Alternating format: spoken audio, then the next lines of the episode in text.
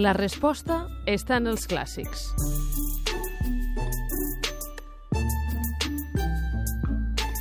I avui a la resposta estan els clàssics, un fragment de Corial i Huelfa que ens ve a dir que els homes també poden plorar.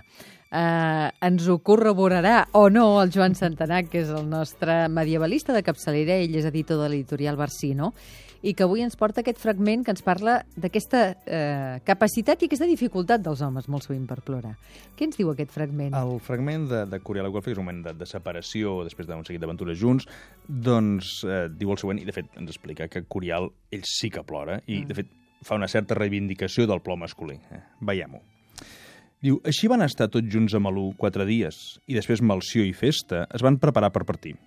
Festa plorava agrament i no es podia consolar. I també Corial, quan va, quan va veure que ja estaven a punt d'anar-se'n, va començar a plorar molt i no podia parlar d'angoixa. Malció li va dir, Corial, no ploreu, que no és propi de cavaller. Us dic que en tots sou més bon cavaller que cap altre, però quan ploreu sou com una dona, i aquest vici us resta gran part de la vostra virtut i el vostre honor. Va respondre Corial, doncs jo us dic que és virtut alegrar-se amb els alegres i plorar amb els que ploren. Però en cas que fos tal com dieu, no hi podria fer res, perquè quan recordo que em trobo lluny de la senyora, em sembla perdre la vida, i ara que m'he de separar de vosaltres, em sembla que l'ànima se'm separa de mi. Un home atípic, perquè reivindica el plor i no com una debilitat, no? Uh, no és una debilitat, és una forma gairebé de consol. I com que estic pensant en, la meva dama que està lluny i vosaltres que sou amics meus, ara marxareu, doncs això em produeix un sentiment i el sentiment aflora en forma de, de plor.